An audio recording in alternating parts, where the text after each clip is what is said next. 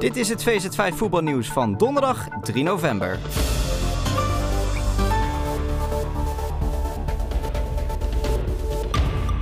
Benfica heeft zich als groepswinnaar geplaatst voor de achtste finales van de Champions League.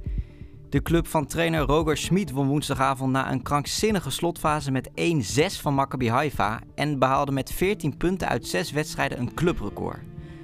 Nummer 2 Paris Saint-Germain behaalde evenveel punten met exact hetzelfde doelsaldo, maar op basis van het aantal gemaakte uitdoelpunten eindigde Benfica bovenaan de groep. En ook AC Milan heeft zich geplaatst voor de knock-outfase van de Champions League. De Italiaanse club hoefde thuis tegen Red Bull Salzburg eigenlijk alleen maar gelijk te spelen, maar won met 4-0. Olivier Giroud scoorde twee keer en gaf een assist.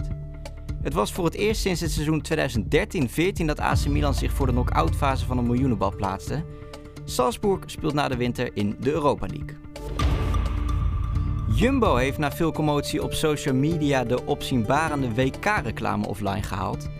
In de reclame was te zien hoe de toppers samen met rapper Donny hossend de Polonaise lopen, maar dit deden zij ook met een groep bouwvakkers.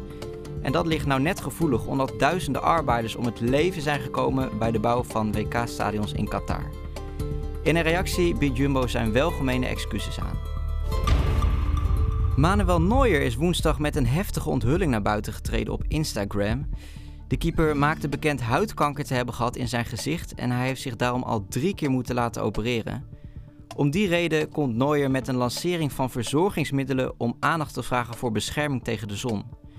Overigens meldt de Duitser dat hij inmiddels weer gezond is.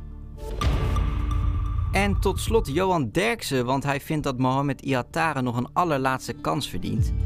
Ajax maakte maandag bekend dat het de koopoptie op Iatare niet zal lichten. En volgens Derksen heeft de middenvelder alleen bij Royal Antwerp nog de mogelijkheid om zijn carrière uit het slop te trekken.